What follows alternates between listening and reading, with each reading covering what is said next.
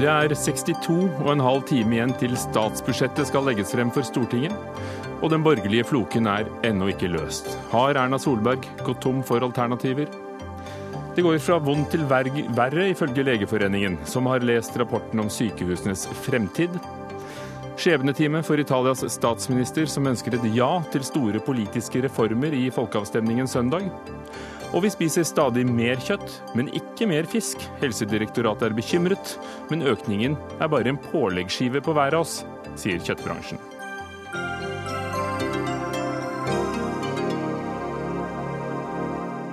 Velkommen til Dagsnytt 18 med Ugo Fermariello i studio. Klokken tikker mot mandag. Halv ni Mandag morgen skal statsbudsjettet legges frem, men Erna Solberg er ikke i mål. Verken Kristelig Folkepartis Knut Arild Hareide eller Venstres Trine Skei Grande ser lyst på muligheten om å bli enige med regjeringen. Ifølge Stavanger Aftenblad har regjeringen lagt over 6 milliarder kroner på bordet, bl.a. med mer penger til klimatiltak, men den omstridte bilpakken ligger fast. Politisk reporter Cato Husabø Fossen, du befinner deg ved Stortinget. Eh, litt av en dag, dette?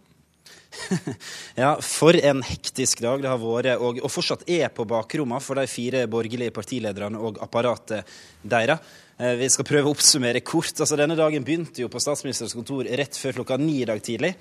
Og eh, der, der de fire partilederne satt i en, en, drøy time før det bar videre i hu og hast til gruppemøter på Stortinget med fire usedvanlig ordknappe partiledere både før og etter gruppemøtene, så fikk vi en, en ganske underlig seanse der både Trine Skei Grande og Knut Arild Hareide forsvant ned i stortingsgarasjen omtrent eh, samtidig. Og etter det vi forstår, først da de kom i bilen, fikk vite hvor de skulle. Og så har de fire partilederne sittet i et uh, møte på hemmelig stad i, i drøyt tre, tre, timer i dag. Og nå uh, er liksom det siste at dette møtet er da er det over, og nå er en tilbake til, til jobbing på bakrommet. Og det, det springes i en del korridorer her på Stortinget. Biler frem og tilbake til hemmelige adresser, springing i korridorene på Stortinget hvor eh, du befinner deg. Eh, hva ligger i det tilbudet som regjeringen har lagt frem for sine to støttespillere? Det Knut Arild Hareide og Trine Skei Grande ble presentert for uh, i dag tidlig, altså det siste forslaget fra regjeringa, så ligger det, det en pakke på totalt i underkant av 7 milliarder kroner, etter det NRK erfarer, hvor klima- og miljødelen utgjør en stad mellom 2,5 og 3 milliarder. Det siste sånn sett ikke så veldig forandra fra de tilbudene som lå på bordet, da først Venstre og så KrF valgte å, å bryte forhandlingene tidligere i, i veka. Hmm. Har Kristelig Folkeparti og Venstre, eller folk derifra, sagt noe i dag? Ja, Knut Arild Hareide har latt seg intervjue ved, ved flere anledninger i, mellom disse møtene. Han har eh, men, men, han har vært eh, to sider. Han omtalte først utviklinga i dag som, som, positiv, før han så la til at han fortsatt var pessimist med tanke på en budsjettavtale, altså et forlik mellom de fire partiene før, eh, før mandagen. Venstreleder Trine Skei Grande har på sin side unngått, eh, både hos NRK og de fleste andre medier, i dag. Og akkurat nå så har hun barrikadert seg inne bak, bak lukka dører nede i første etasjen her. Venstre har faktisk fysisk sperra av hele korridoren sin på, på Stortinget og gitt, gitt klar beskjed til alle i pressen om at de vil ha arbeidsro. For Vi håpet jo kanskje at du fikk noen ord med dem eh, her til oss i kveld. Men uh, hva skjer nå? Hva skjer i kveld? For det er jo ikke bare et dramaturgisk grep, det er faktisk en, en fristalende i mandag morgen. Det er det. Og eh, vi kan få en slags avklaring før finansdebatten og voteringa over budsjettet på mandag. Som NRK meldte allerede i går, så har jo ingen av partiene særlig tru på at en klarer å enes om en budsjettavtale, alle fire. Det gjelder i høyeste grad fortsatt. Det partiene jobber med nå, slik vi forstår det, det er å jobbe fram en skisse, altså en tilleggspakke til statsbudsjettet som er god nok til at KrF og Venstre, i det minste ett av dem, velger å støtte regjeringa sitt budsjett eh, subsidiært når det skal voteres på mandag. Og den tilleggspakken som en da satser på å gå til Stortinget med, den, den kan det godt tenkes at vil bli offentliggjort fra regjeringas side før det, altså i løpet av helga, enten i kveld, kanskje mer sannsynlig i morgen. Det som er interessant, og mange KrF snakker om nå, det er at eh, det greieste for dem dersom de skal kunne ende opp med å redde regjeringa, kanskje er at Erna Solberg faktisk stiller et kabinettspørsmål. Altså at KrF i utgangspunktet ikke stemmer for budsjettet, men presser Erna Solberg til å bli den første statsministeren i historien da, som har måttet stille kabinettspørsmål på budsjettet. Takk skal du ha. Cato Husabø Fossen, vår politiske reporter på Stortinget. Lars Nehru Sand, politisk kommentator her i NRK. Hva mener du er det mest sannsynlige utfallet av de scenarioene vi akkurat eh, fikk eh, presentert? Det går nok den veien at man ikke kommer utenom et, eh, et kabinettspørsmål eh, fra Erna Solberg sin side. Jeg tror Kristelig Folkeparti med det vil signalisere at de for så vidt er enig i mye av den politikken regjeringen nå legger på bordet til slutt, men, eh, men er så hva skal vi si, irritert over den måten dette er blitt gjort på med dette ultimatumet, at de som opposisjonsparti eller samarbeidsparti med en mindretallsregjering vil eh, med, mindre, nei, unnskyld, med kabinettspørsmålet signalisere at sånn kan man ikke opptre, og at man derfor vil eh, se et kabinettspørsmål før man, eh, før man sier ja til å stemme med regjeringen eller redde regjeringen om, om du vil. Det gjorde Carl I. Hagen også i sin tid da Bondevik ble sittende. Det normale med kabinettspørsmål er jo tross alt at, at statsministeren får Stortinget med seg, men det er en ydmykende affære i og for seg, og det viser en, en svekket regjering som må, må, ty til sånne grep for å få gjennomslag for politikken sin, spesielt da når det er en mindretallsregjering, selvfølgelig. Men, men er det nærmest et slags koketteri fra, fra støttepartiene, eller Kristelig Folkeparti, hvis de nok stemmer ja uansett?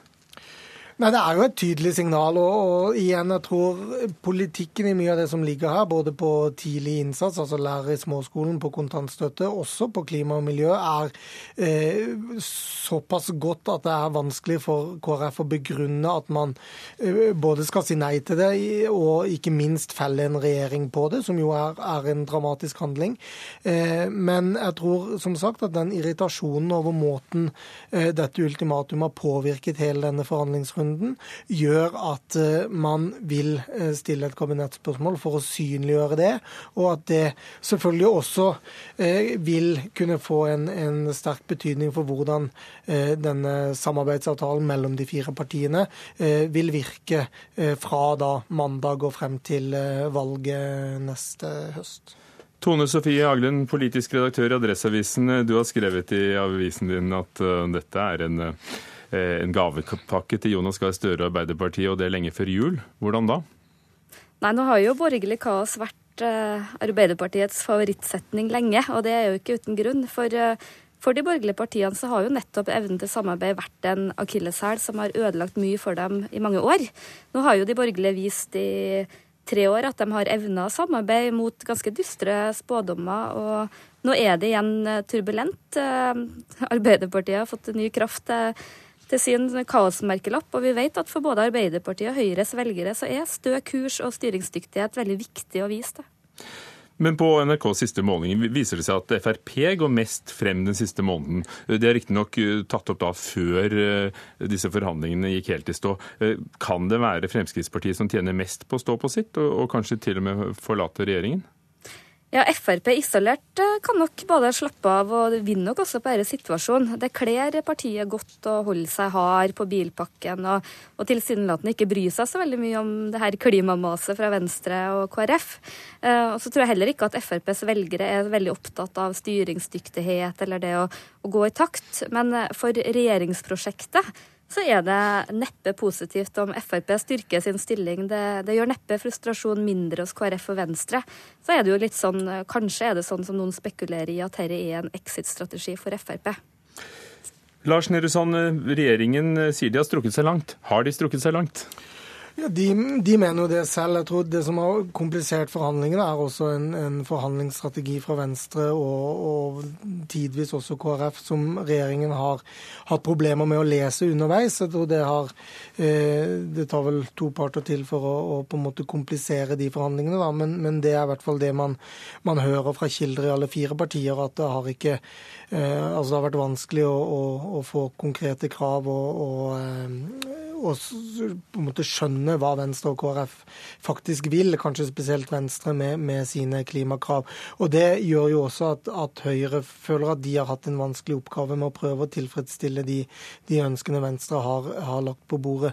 Eh, og Det går også da litt inn i denne samarbeidsdynamikken som vi snakker om her. fordi eh, dette er jo også ting som vil påvirke eh, kulturen i hvordan disse fire partiene eh, kan samhandle, eller mangel på sådan.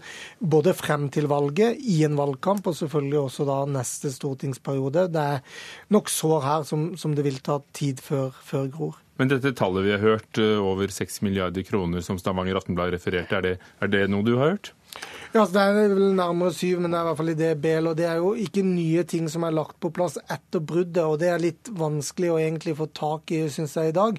Hva er det egentlig regjeringen har gjort eh, fra disse to sentrumspartiene brøt tidligere i uka, til de nå møtes igjen og skal ha denne innspurtshelgen som er nå. For det er klart, noe må jo eh, skje for å Eller man må jo ha noe konkret for å da ville returnere til forhandlingsbordet. Eh, og hva av denne pakken som er helt nytt, og hva som er eh, forhandlet om eh, ganske lenge. Det er jo i dag 2. desember, en måned siden de hadde sine første møter 2. november i tredje etasje i Stortinget, så dette har jo pågått en, en lang stund. Tone Sofie Aglen, kommer folk til å huske dette neste gang det blir valg? Ja, Hukommelsen til velgerne er jo veldig kort hva gjelder eh, enkeltsaker. Og om de med det hele tatt vet hva bilpakken handler om, så tror jeg nok den er glemt. Men selv om man glemmer hva folk krangler om, så tror jeg ikke de glemmer kranglinga. Og det kaos, inntrykket av kaos og uenighet det er nok noe som fester seg. Og er det en ting særlig Arbeiderpartiet er flink til, så er det å pirke det og minne velgerne om å snakke om borgerlig kaos. Hva mener du blir det mest sannsynlige utfallet på mandag? Jeg syns det er vanskelig å se for seg at regjeringa blir felt på det her. Og jeg syns også det er krevende å tenke at eh, KrF og Venstre skiller lag. Eh, nå er det åpenbart sånn at eh, KrF er mindre irritert enn det Venstre er. Og, og det kan også virke som den pakken er mer KrF-vennlig enn den er Venstre-vennlig. Men det er to partier som har stått veldig sammen Eh, gjennom hele denne prosessen. Jeg tror de vil fortsette sammen, og jeg tror nok at regjeringa overlever. Men i den prosessen her så er det mange som har tatt feil, og jeg tror ingen forutså den alvorligheten som har vært i eh, de her budsjettforhandlingene. Hadde du sett for deg at det gikk så langt eh, sånn? Man, skjønte allerede den dagen det ultimatumet ble stilt på den pressekonferansen at dette ville komplisere veldig. Men det er klart ingen hadde kanskje sett for seg at det gikk så langt som det gikk, eh, gikk nå. Men at dette ender med et kabinettspørsmål, er, er, jo også den, hvis det gjør det, den aller ytterste konsekvensen jeg kan se for meg at det får. Og, og hvis det gjør det, og, og, og Venstre ikke stemmer for, men det likevel blir flertall sammen med Kristelig Folkeparti, så, så risikerer jo regjeringen å gi store innrømmelser på klimatiltak uten at Venstre får noe delaktighet i det? Ja, Det vil jo bli Venstres problem. og Jeg tror det er mange som er interessert i å diskutere det med Venstre. Om det skulle bli utfallet, altså hvordan kunne dere si nei til dette? og Det, det er vel også det eh, regjeringspartiene klør seg litt i hodet over. At, eh, at Venstre eh, må oppleve å ha fått mye, men at det har blitt eh, steilt på dette ultimatum. og Det er derfor vi må skille denne debatten også. Hva handler om eh, faktiske klimakutt, og hva handler om irritasjonen over en, en forhandlingsmetode eller strategi? Strategi. Eh, når det er sagt, så er det klart at det vil jo alltid være mulig for Venstre å si at man burde kutta eh, mer klimagassutslipp neste år for å nå 2030-målene og Parisavtalen. I dag kom det en annen spennende nyhet om regjeringens eh, karbonfangst- og lagringsstrategi, som, som, noen mener man bør Eller to evalueringsrapporter mener at bør skrinlegges. og Det er en viktig milepæl i det i de klimastrategiene vi har. Så det er klart 2020- og 2030-målene lever veldig farlig. Eh, det er sikkert. Og Vi fikk jo her i Dagsnytt 18 Cicero til å regne på det, og Venstre gir mer kutt, men ingen gir nok. Lars Nehru Sand, helt til slutt, hva skjer på mandag? Nei, Jeg tror det blir en eh, intens og spennende finansdebatt. Det er mye tydelig... Ingen får jo lest dette før de skal i ilden? Nei, det, det, er jo det som er litt av målet med å legge det frem i løpet av helgen, sånn at uh, oss, både opposisjonen og, og uh, pressen, verden, velgerne får, får uh, i hvert fall sett på det før, før mandag morgen.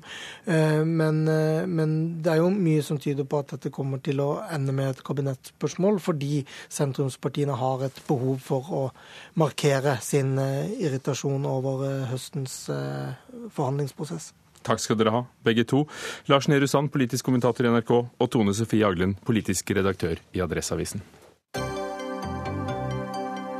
Dagsnytt 18 alle hverdager kl 18.00 på NRK P2 og NRK2.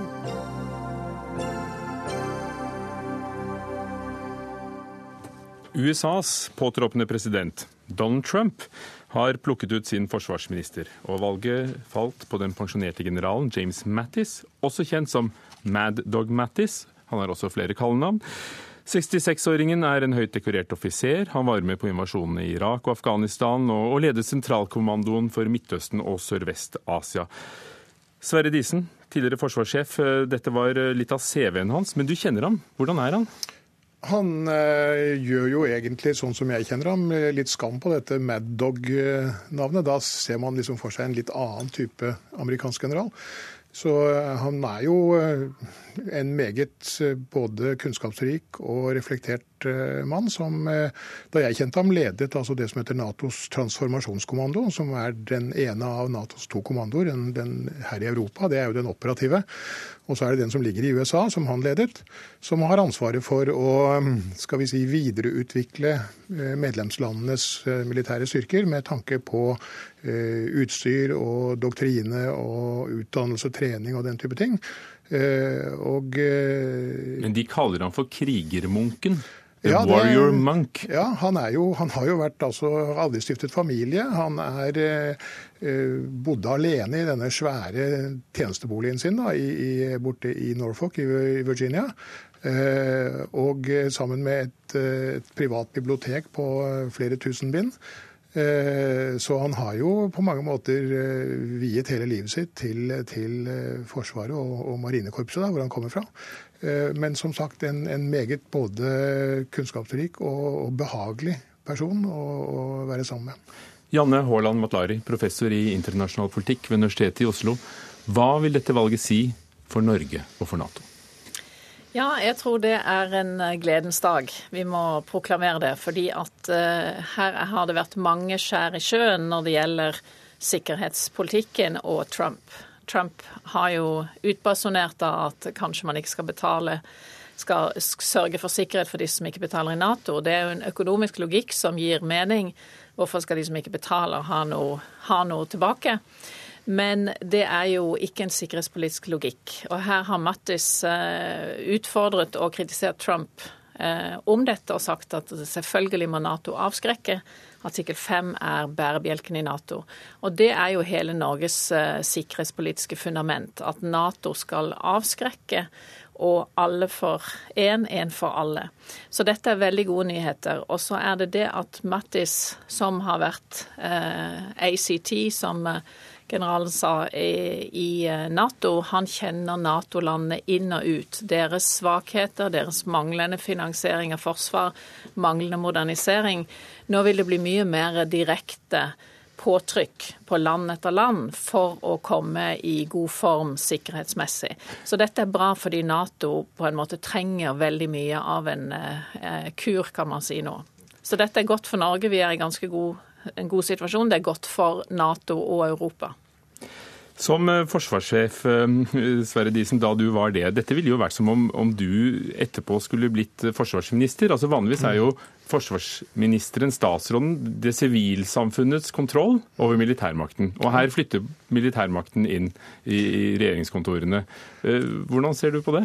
Ja, Det tror jeg det er helt utenkelig at en tjenestegjørende general hadde blitt forsvarsminister. Han har tross alt vært pensjonist en stund. men han Og er jo... egentlig er det syv års karantene, men kan, Ja, Senatet kan han, gi unntak. Han må altså godkjennes av Senatet, da. Eh, Og eh, Det ville vært gavepakke til Forsvaret, ville ikke du sett Ja, på det, det? det kommer litt an på. Eh, Ikke, ikke alltid like enkelt. Men, men eh, når det gjelder, eh, når det gjelder eh, Mattis, så, så er jo den amerikanske forsvarsministeren tradisjonelt ikke militær, har ikke militær bakgrunn.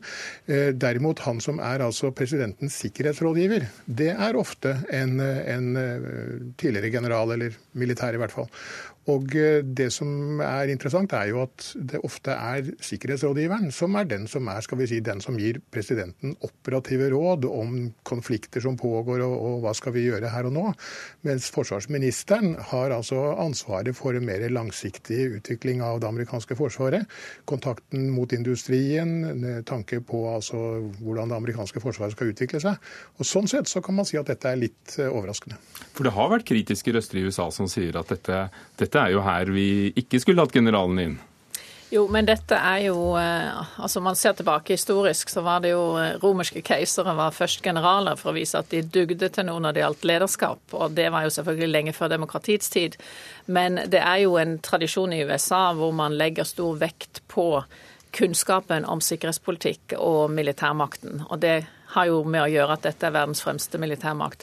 Eh, så jeg tror ikke det er noe problem, egentlig. Fordi man har jo, man har jo hatt ja, George Marshall var jo også eh, forsvarsminister, eller utenriksminister. var han Så det vil ikke gi Forsvaret en, en, fordel politisk? Nei, jeg tror tvert imot at her er det en som ikke lar seg på en måte snakke rundt av militære rådgivere, for han kjenner jo sine pappenheimere fra sin tjenestetid.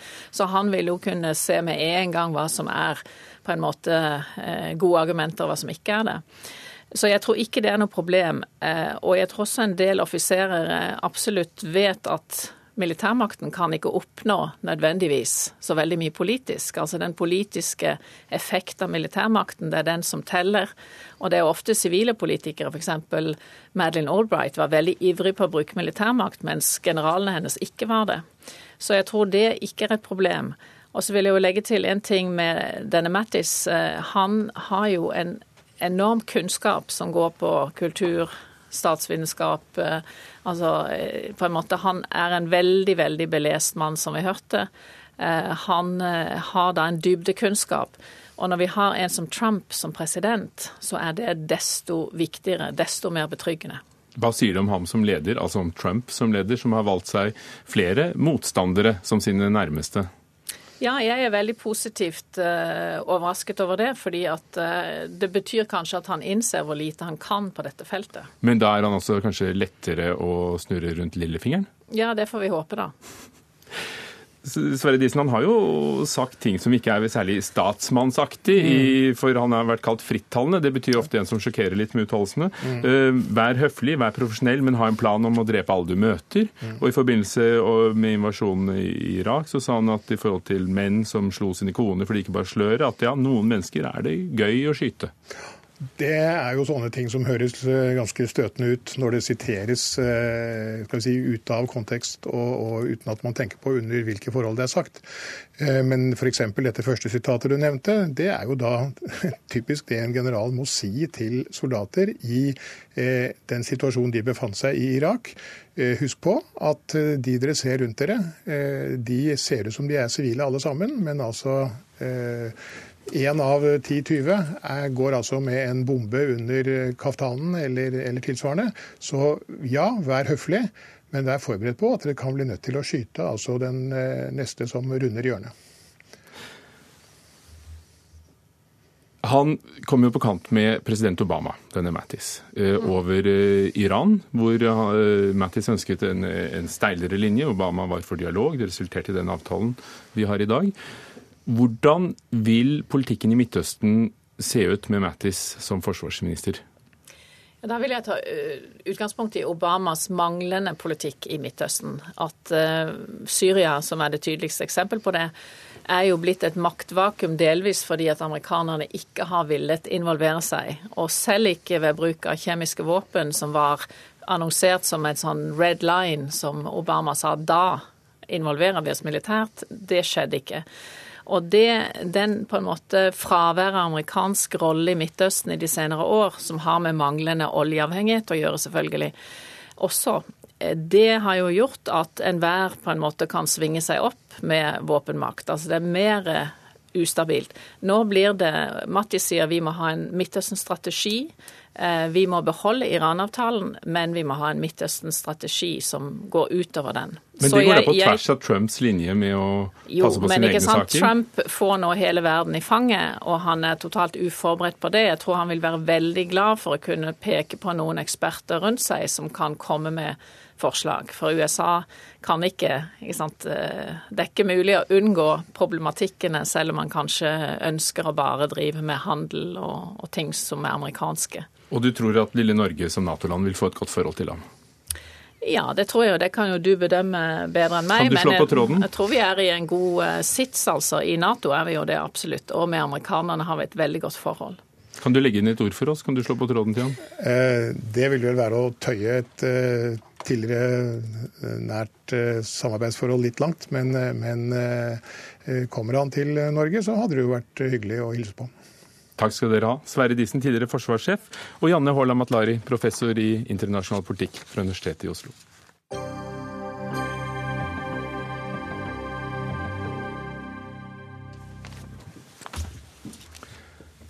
Da har det kommet en utvikling i budsjettforhandlingene. For etter det NRK erfarer, har forhandlingene mellom de fire borgerlige partiene ikke ført frem. Dette er det vi snakket om i begynnelsen av Dagsnytt 18 i dag. Det er ikke planlagt nye møter mellom de fire partilederne, og i morgen vil regjeringen etter planen offentliggjøre sitt tilbud til Venstre og Kristelig Folkeparti. Og så skal vi snakke om sykehusene.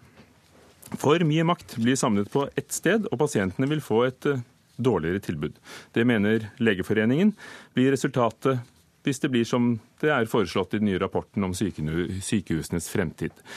Utvalget skulle vurdere om regjeringen kan fjerne mellomleddet mellom staten og sykehusene, altså de fire regionale helseforetakene.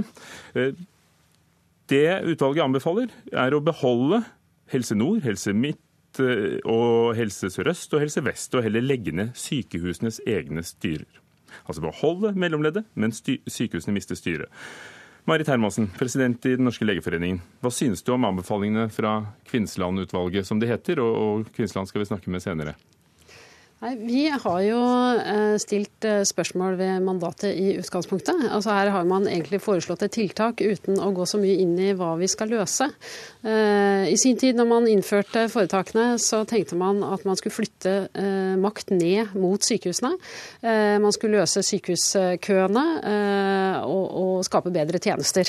Det er et godt utgangspunkt. Nå har man, sånn som vi ser det, foreslått en ytterligere sentralisering sentralisering eh, av eh, makt.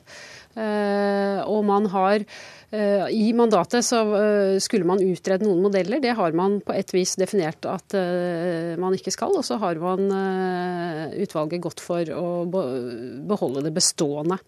Det vi ser er at skal vi løse de utfordringene vi har i sykehusene framover, så må sykehusene få mer myndighet og makt. Og vi må få ned antall, antall lederlinjer i sykehusene. Det er da vi kan begynne å utvikle dette videre. Steiner, Stener Kvinsland, unnskyld. Du har ledet dette utvalget og har lang erfaring fra helsesektoren. Hva er det du anbefaler helseministeren å gjøre, hvis du kan si det med, med egne ord, altså flertallet i utvalget ditt? Ja, Nå er det jo ikke et flertall for den problemstillingen som Marit Hermansen her diskuterer.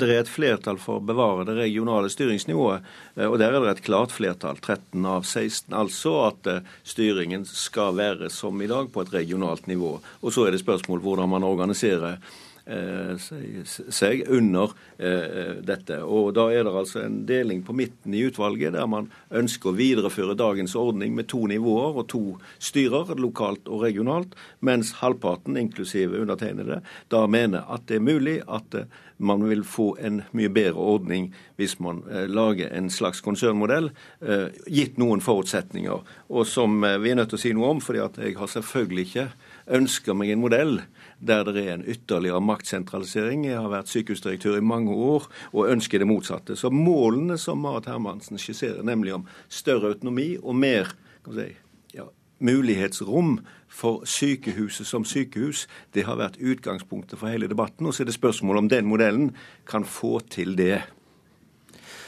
Men var ikke oppdraget å se om dere kunne fjerne mellomleddet der? Altså, Oppdraget var jo, eh, hadde jo utgangspunkt i regjeringsplattformen, som riktignok, eh, og, og som du påpeker, det, der er det jo eh, altså, i regjeringsplattformen eh, sagt at man skal fjerne det regionale nivået. Ja, Det var første punkt da denne regjeringen kom ja, ut fra Sundvolden. Ja, ja. Når da mandatet ble gitt, så var det foreslått tre modeller som alle da var en sentraliser hadde sentralisering i seg, nemlig en departemental, en direktoral modell, og ett nasjonalt foretak. Altså at alle sykehus i Norge eies og drives av ett foretak. Eh, og så var det en mulighet for da eventuelt andre modeller. Det ble ganske fort klart i utvalget at eh, det var liten støtte for noen av disse tre foreslåtte modellene. Én ble eh, gjort til det mest sannsynlige, og den er diskutert. Og den har altså fått eh, støtte fra tre av utvalgets medlemmer. Kristian Grimsgaard, du var satt i utvalget som Stener Kvinsland har ledet, men er uenig i konklusjonen at det var den beste modellen. Hva, hva har gått skeis?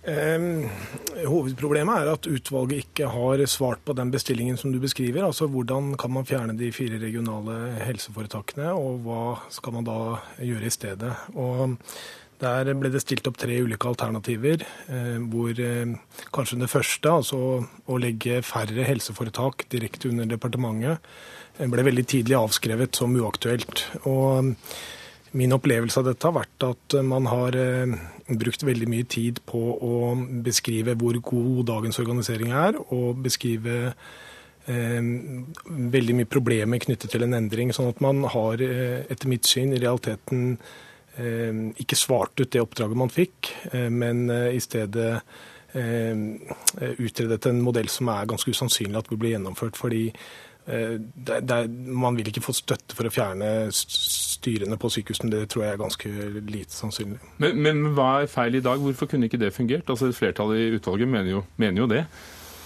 Eh, ja, det kan du si. Altså, det, som Hermansen er inne på, så er det et problem kanskje at vi ikke tydelig nok har fått uh, presentert et målbilde. Men det er klart at når det har vært et politisk flertall for å fjerne de regionale helseforetakene, så har jo det bakgrunn i den utviklingen vi har sett. Vi har altså gått fra å ha to til tre lederlinjer i sykehusene våre til å ha i dag fire til seks lederlinjer. Så vi har fått organisasjoner hvor det er veldig langt mellom de som jobber ute i tjenestene og de som skal eh, treffe avgjørelser om hvordan tjenestene skal organiseres. Og Det har nok litt sammenheng med eh, hele denne organisasjonsformen å gjøre. Vi har fått... For, for hva er konsekvensene? Altså, hva, hva er problemet i dag? Du har jo fire helseforetak, og de samarbeider vel? Ja, nei, altså Fra vårt ståsted er det mange problemer. Vi, vi opplever jo at uh, sykehusene uh, At det er blitt for store avstander i sykehusene våre. Det er blitt for langt mellom ledelsen og de som skal levere tjenestene. Altså Denne tjenesten uh, den, den, skjer helt der nede, der hvor pasientene er. Sånn at vi får ikke gjort, vi får ikke iverksatt riktige tiltak for å utvikle tjenestene, og vi klarer ikke å utvikle god nok samhandling med de vi skal samhandle med. da. Marit Hermansen, hvordan mener du at, at uh, utvalget ikke har svart på mandatet?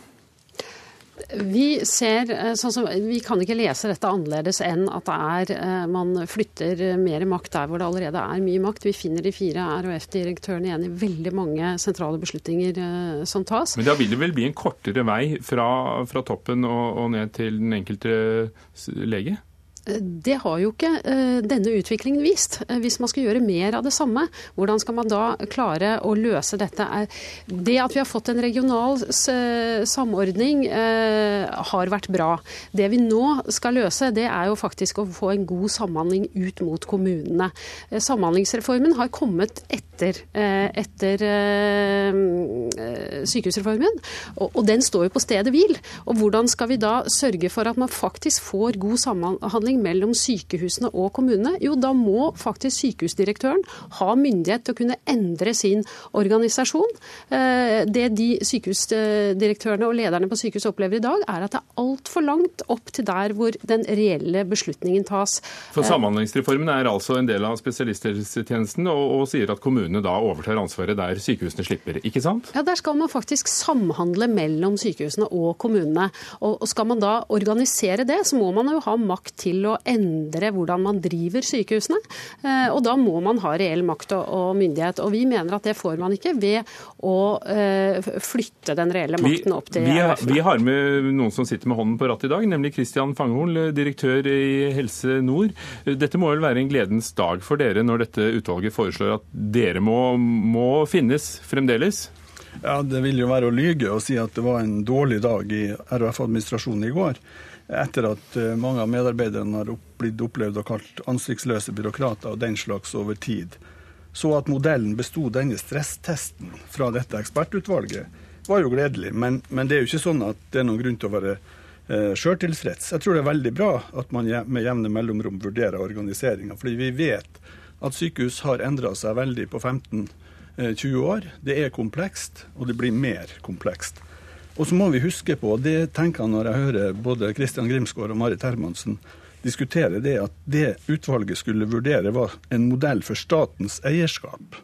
Altså hvordan politiske beslutninger skal kunne gjennomføres i en stor eh, tjenesteorganisasjon, og ikke først og fremst det som går på intern organisering i sykehus. Jeg er helt enig i at det er kjempeviktig. Eh, og at det må jobbes med. Men, men, det var tross alt det som var utvalgets mandat. Altså Jeg er litt overraska over, over, eh, kritikken her, fordi at Legeforeninga hadde et innspill i mars 2016 der man anviste to modeller, begge med regional forankring. Enten regionale foretak eller at HODs eieravdeling skulle eh, lede dette. Og HOD er departementet, altså? Ja. Stene Kvinsland, du har jo da sittet med i, i, på alle kanter av bordet her. Du var tidligere direktør for Helse Bergen, og så har du vært eh, styreleder for Oslo universitetssykehus, som jo innbefatter Ullevål og Radiumhospitalet og Rikshospitalet, så det er en enormt. Mener du virkelig at styret for eh, et sykehus er overflødig, da? Nei, altså overflødig. Her er det et spørsmål om å prøve å forenkle. Og eh, jeg er veldig enig, og det er det som er paradokset her med Marit Hermansens argumentasjon, og det vet jo også Kristian Grimskog at det har vært regelmessig debattert, nemlig hvordan få mer innflytelse nedover, f.eks. For, for å kunne utøve Samhandlingsreformen på en bedre måte. Og noen av oss er altså av den oppfatning at ø, dette styret på lokalt nivå ikke nødvendigvis er den mekanismen som får det til bedre. Kanskje det er enklere hvis man har en direkte linje. Gitt noen forutsetninger, f.eks. For at uh, disse HF-direktørene i dag, som da blir uh, noe annet kalt i en ny modell, at de har den innflytelse regionalt som de bør og skal. Så, uh, og, og, og, når det gjelder Unnskyld meg, Kvinsland. Ja. Er det ikke sånn at de som da sitter nærmest kjenner best hvor skoen trykker og kan gjøre forandringene fort? Jo, men det er jo det som er poenget. Altså at direktørene Og der skriver vi mye om sykehusenes autonomi og delegasjon nedover. For det er en forutsetning for at denne modell 4 skal virke. Og eh, det, det, har jo vært et problem både at vi har hatt denne Legeforeningens uttalelse som, som Fanghol refererer til, og at Kristian Grimsgaard vedvarende har argumentert for organisatoriske problemer som først og fremst hører inne i sykehusene og ikke i det statlige eierskapet. Grimsgaard. Nei, det er helt feil det du sier der, Stenner. Altså, problemet er at eh, hvordan man organiserer dette øverst, det har følge for hvordan driften blir nedover i sykehusene. I dag har vi 20 helseforetak. Eh, men eh, innunder disse helseforetakene så er det mange store sykehus, og det skaper veldig lange linjer. Sånn at eh, med dagens fire helseregioner så blir det få foretak under. Og hvis man hadde erstattet dette med flere helseregioner som i praksis modell 1 ville vært, så ville du fått en flatere struktur der ute og kortere lederlinjer ute i sykehusene. Og Det som har vært veldig tydelig i det arbeidet vi har sittet og gjort, det er at er, eh, makta er samla på ganske få hender i Helse-Norge i dag. Eh, lederen både i vest og i nord har sittet i rundt 15 år. Eh, det har rett og slett utviklet seg en veldig sammensveiset gjeng som sitter på veldig mye makt. De har også mye kunnskap, men de har mye innflytelse. Og selv om politikerne For stor makt? Ja, etter min oppfatning har de det.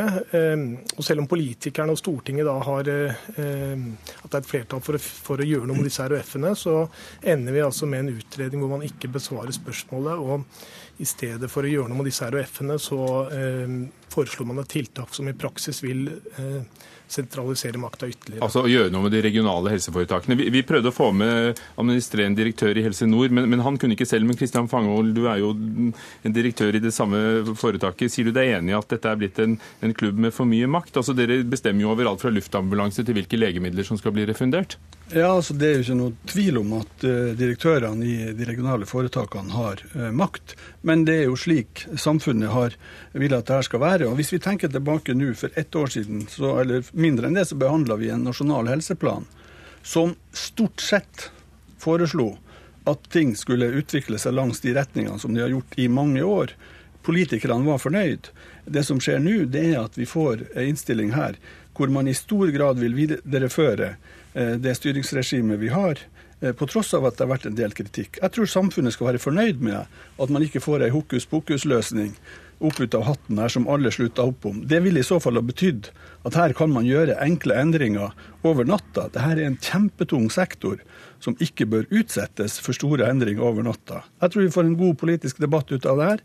Og så tror jeg den store diskusjonen kommer til å handle om forholdet til lokale eh, styrer. For det er åpenbart at der er det noen problemstillinger som ikke er rett frem.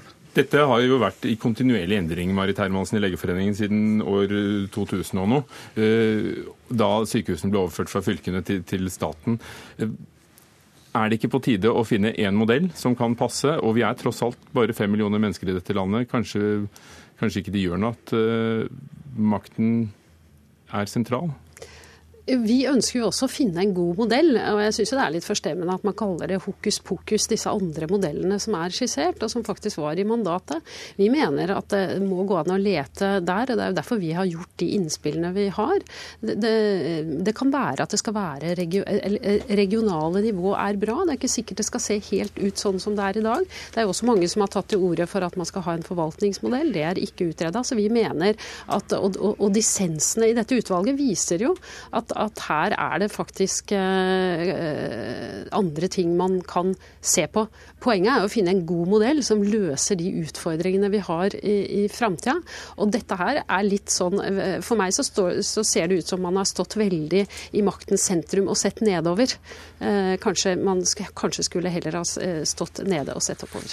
Stener Kvinsland, kan, jeg vil gjerne gi siste ordet til Stener Kvinsland, som har laget denne rapporten, en offentlig utredning som helseministeren fikk i går. Har du sett ovenfra og ned? Nei, jeg har iallfall ikke vært bevisst på det. Og når det gjelder å innfri mandatet, så var iallfall helseministeren eh, fornøyd med det han fikk. Så vil jeg også si det at eh, når man da valgte den nasjonale HF-modellen, eh, Marit Hermansen, så, var, så, ble jo det utredet. Altså, det er jo ikke sånn at man la til side de modellene som var skissert i mandatet. Det ble jo gjennomgått, og den var det altså bare tre som mente fylte behovet. Merkes disse endringene, eh, uansett hva det blir til, Kvinnsland for pasientene, tror du?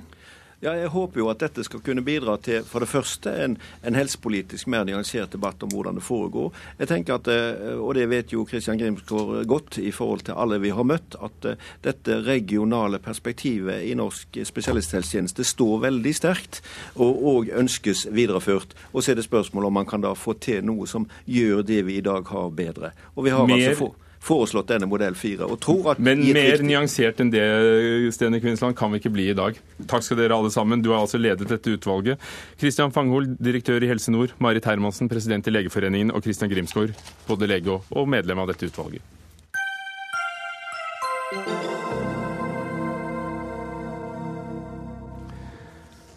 Vi har altså nøkkelhullmerking og utallige blogger og bøker og blader og kampanjer om sunn mat godt kosthold.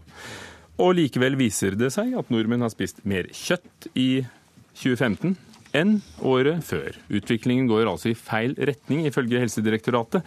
I de siste ti årene har kjøttforbruket økt med rundt 7 Og I dag la Helsedirektoratet frem den årlige rapporten over eh, kostholdet i Norge.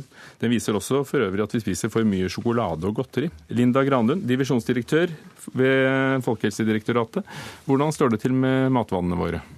Nei, først så vil jeg si at det, det, norske kostholdet er jo på mange måter bra. Vi spiser veldig mye frukt og grønnsaker. Det har vært en økning i frukt- og grønnsaksinntaket over lang tid. Og vi så også en økning i tallene fra, fra 2014 til 2015. Men så er det jo selvfølgelig også noen forbedringspotensialer, og spesielt da på kjøtt. Eh, når vi la frem tallene i fjor, så så vi en liten nedgang eller det vi trodde var en nedgang i kjøttforbruket. Det er vanskelig å se på tall fra ett år til et annet. Det er de lange linjene vi må konsentrere oss om. Men eh, det har over lang tid vært en økning i kjøttforbruket, og så trodde vi at vi hadde nådd toppen i fjor, men det stemte ikke. Så vi ser igjen en økning for 2015. Vi skal snart snakke kjøtt, men både sjokolade og annet søtsug eh, øker. Hvor mye mer godteri spiser vi? Ja, vi, vi, spiser mer godteri, og det er jo uheldig fordi at eh, vi har et eh, sukkerinntak som er vesentlig høyere enn det som er anbefalt. Eh, og da er det jo spesielt søta brus, godteri, kaker og kjeks som bidrar med det. Sånn at her bør vi redusere, og spesielt barn og ungdom. Men vi har jo da også hatt en nedgang i sukkerinntaket, og det er jo en av de gledelige nyhetene ved, ved denne rapporten. Altså økning eller nedgang? Vi har hatt en nedgang i Altså, vi er på vei nedover på sukker. Det er vi. Har du noen andre tall?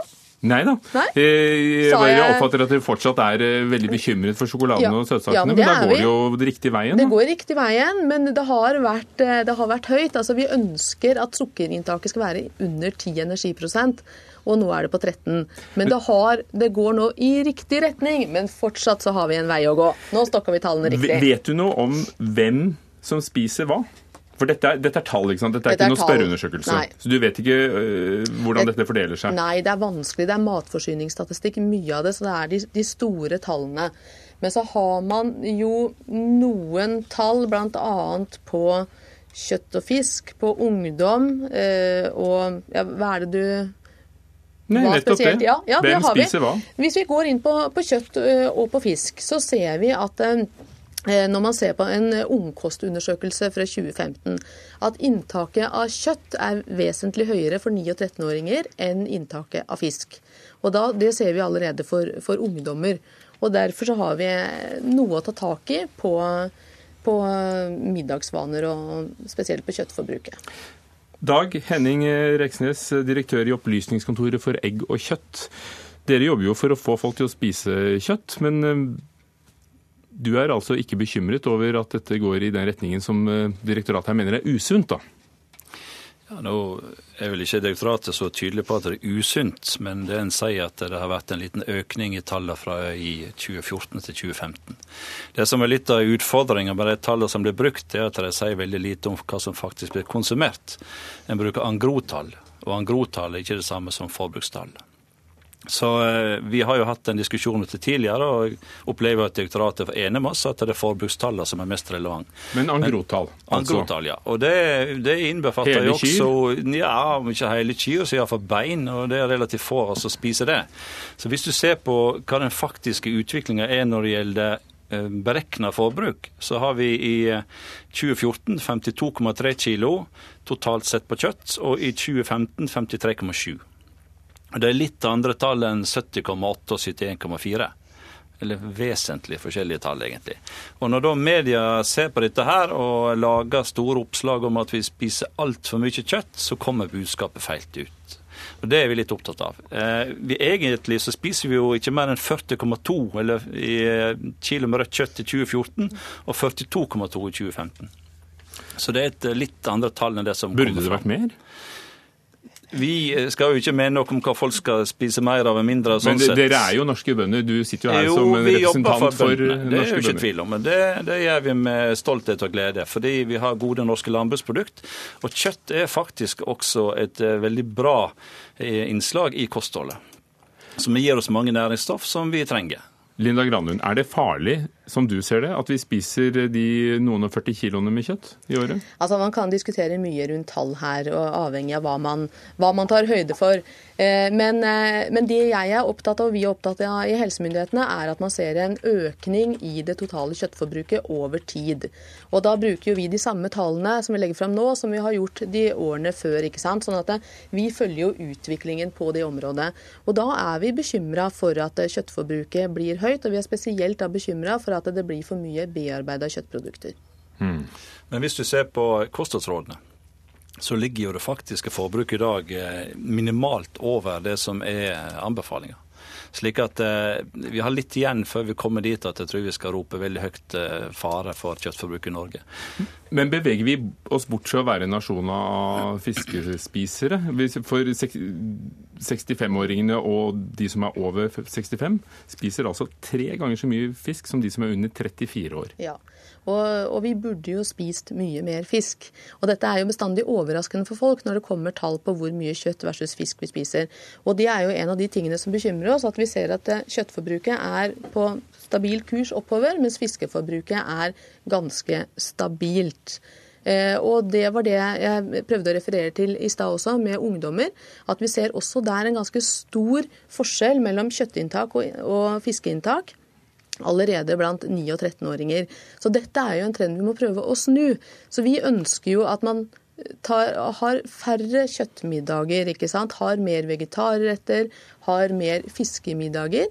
Og kanskje oss barn og unge også behøver å lære mer å tilberede fisk. Hjelper ikke kampanjen deres, for dette har dere jo alltid sagt?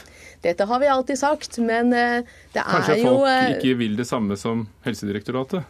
Det er jo godt mulig, men vi må jo fortsatt komme ut med forskningsbaserte råd allikevel. For vi vet at det er en del uheldige ting ved et høyt kjøttinntak, og spesielt et høyt inntak av bearbeida kjøttprodukter. Og den forskningen vil dere gjerne utvide i kjøttbransjen? Ja, vi forholder oss jo til kostholdsrådene, men vi mener jo at det er grunn til å stadig vekk få ny forskning som er mer oppdatert i forhold til eh, både norske forhold europeiske forhold. og ikke minst... Så det er utdatert det der med at Nei, altså utdatert. All forskning eh, kan forbedres. Det tror jeg ikke jeg er tvil om. Og Det som vi mener, det er at eh, det er ikke slik at den forskningen som foreligger per i dag, nødvendigvis er fullstendig konsistent i forhold til det her. Vi ser jo at det kommer ny forskning som kan gi et mer nyansert bilde. Det er bl.a. norske prosjekter. Et prosjekt som heter Sunnere sto for kjøtt, som viser litt andre data. Det skjer ganske mye spennende ting i Europa. Og Den nye forskninga bør jo selvfølgelig inngå som grunnlag for de kostholdsrådene som det offentlige eh, legger fram.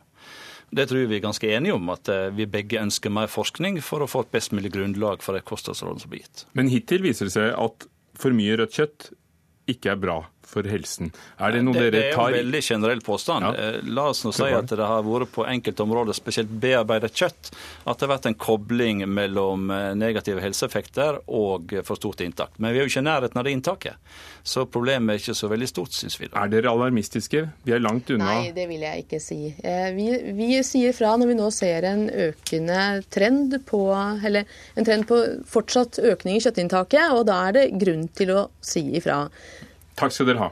Linda Granlund, divisjonsdirektør for folkehelsen i Helsedirektoratet, og Dag Henning Reksnes, direktør i Opplysningskontoret for egg og kjøtt, for at dere opplyste oss.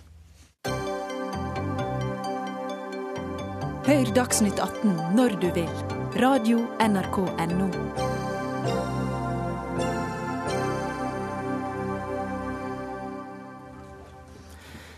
Siste dag i dag i valgkampen før søndagens folkeavstemning. Statsminister Matteo Renzi er hardt presset. Han ber om grunnlovsendringer, bl.a. for å gjøre Italia mer gjeldende i EU, og for å gi Senatet mindre makt. Men Renzi mister støtte blant folket. Arbeidsledigheten øker, økonomien står ganske stille. Og han setter regjeringens fremtid på spill. Han har sagt at han kommer til å gå av hvis det blir nei på søndag. Irene Peroni, frilansjournalist og italiensk statsborger. Du har bodd i Norge i, i, mange år, men du er en av dem som kunne ha stemt, men lar være. Hvorfor det? Ja, det er et godt spørsmål. Hadde jeg visst at jeg skulle kommet hit og sette meg inn i hele opplegget, så ville jeg kanskje stemt likevel. Nei, jeg tuller bare.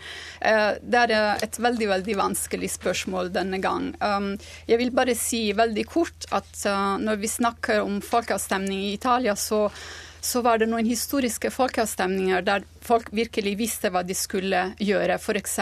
skilsmisse, ja eller nei. Abort, ja eller nei. Eh, etter hvert så har våre folkeavstemninger blitt veldig veldig tekniske og veldig kompliserte. Og når du står der og du ser på spørsmålet ikke sant, og skal stemme, så er spørsmålet veldig vanskelig å skjønne. Så folk må virkelig dokumentere seg for å vite hva de gjør i det øyeblikket de stemmer for eller mot noe. Betyr det at du tror det blir få som eh, kommer til å stemme på søndag? Nei, egentlig tvert imot. Men dette er av politiske grunner. For at dette har blitt en politisk uh, sak om uh, Renzi. For at han sa, som du allerede nevnte, at han skulle gå av hvis uh, han ikke vant dette valget. Det vil si, hvis, folk, hvis nei vinner, så sa han at han skulle gå av. Det tror jeg ikke han kommer til å gjøre frivillig, men dette innebar at han ble saken her. Liksom folk stemmer enten for Renzi eller mot Renzi. Det spiller ingen rolle hva egentlig folkeavstemningen dreier seg av i realiteten, og det er en konstitusjonell forandring, ikke sant? en sånn reform. Det er ikke det folk tenker på. Per Anders Madsen, eh, redaktør i Aftenposten og kommentator, og i mange år var du også Roma-korrespondent. Hva står på spill? Hva er egentlig innholdet, hvis vi ser bort fra for og mot Renzi? Italia har jo i mange år prøvd å uh, lage et mer forenklet styringssystem. Uh, da jeg bodde i Italia for etter hvert ganske mange år siden, så var det også en kommisjon i gang for å prøve å gjøre noe med en ganske uh, komplisert styringsform. Eh, så dette har man prøvd lenge. I korthet går det ut på å prøve å forenkle systemet ved at eh, et av kamrene i nasjonalforsamlingen skal reduseres i antall, få, eh, mindre innflytelse.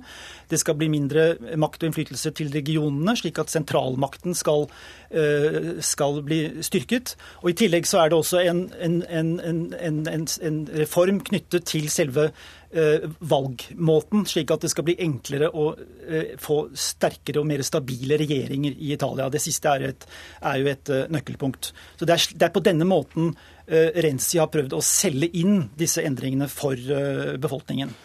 Irene Peroni, det har altså vært 60 regjeringer siden 1948 i Italia.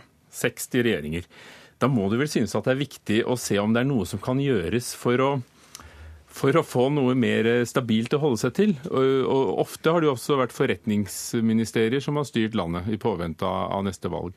Helt enig, og det er derfor jeg tror jeg ville tross alt stemt eh, ja hvis jeg hadde stemt. Men eh, det er veldig risikabelt. For at idet du gjør eh, regjeringen sterkere, dvs. Si, idet du gjør den utøvende makten sterkere, så blir den lovgivende makten svakere. Og dette er veldig essensielt i alle demokratiene for å holde balansen. At disse maktene uh, skal være i balanse. ikke sant? Og det som skjer her, er at uh, hvis uh, denne grunnlovsreformen trer i kraft, så kommer det, uansett hvem som kommer i regjeringen senere, så kommer de til å ha mye, mye mer lovgivningsmakt. Vil si, de kan da passere de lovene de vil. ikke sant?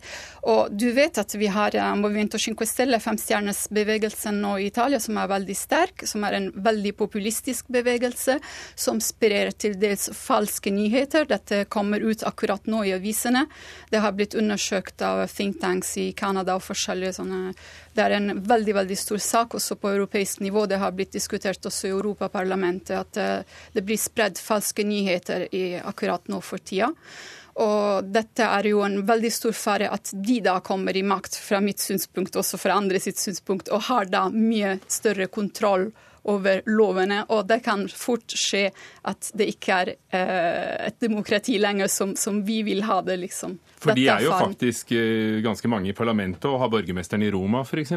Ja, for eh. Men eh, er det et spørsmål om høyre, venstre eller eh, rabulister? Altså, eh, Som vi har snakket om nå, så var det jo slik at dette ble takket være det at eh, Renzi på en måte stilte kabinettspørsmål til sin egen befolkning, så jo, var det jo slik at opposisjonen takket jo ikke nei til det, og benyttet anledningen til å foreta en enorm mobilisering mot mot Renzi, som, som, jo har slitt mer enn det han uh, trodde han skulle gjøre for et, for et år siden. Sånn at, sånn at, eh, men selve, selve, motstanden mot uh, reformene har nok litt andre kilder også. Det er jo sterk uenighet blant uh, grunnlovseksperter om hvordan dette faktisk vil slå ut dersom det blir et ja-flertall. Hvorfor er dette så viktig for EU? EU er interessert i forutsigbarhet og stabilitet i Italia. Og ingen tror at landet klapper sammen på mandag eller tirsdag, selv om nei skulle vinne. Men dette kan sette i gang en kjedereaksjon ved at de populistiske bevegelsene får vind i seilene dersom de vinner denne avstemningen. Og det skaper en form for uforutsigbarhet i tiden fremover som EU setter svært liten pris på i et av EUs største medlemsland. Hvis det blir nei på søndag, Tror du han går, som han sier han skal? I grunnen så vil han ikke gå, han har allerede sagt det. Men det er mulig at det oppstår så mye press generelt fra befolkningen, fra politikerne, at han til slutt må gå. Det er egentlig ganske sannsynlig etter min mening at han må gå til slutt. Og Hva får vi istedenfor den sosialdemokratiske regjeringen hans, da? Nei, det, det, er jo, altså I sånne situasjoner så vil jo presidenten få en ganske stor rolle ved å prøve å sondere med, eh, med politiske lederne for å få en ny regjering på plass. Men det vil jo mye tyde på at det da vil komme et nyvalg om ikke så altfor lenge, eh, dersom det skulle bli et nei-flertall. Vil Italia noen gang få lange regjeringer som sitter lenge? Det ville vært fint, men jeg tror ikke det. Takk skal dere ha, Irene Peroni, journalist fra Italia. Per Anders Madsen, kommentator og redaktør i Aftenposten. Dagsnytt 18 er over. Fredrik Lauritzen var ansvarlig for sendingen. Frode Thorshaug, teknisk ansvarlig. Ugo Fermariello, programleder. God helg, og takk for i dag.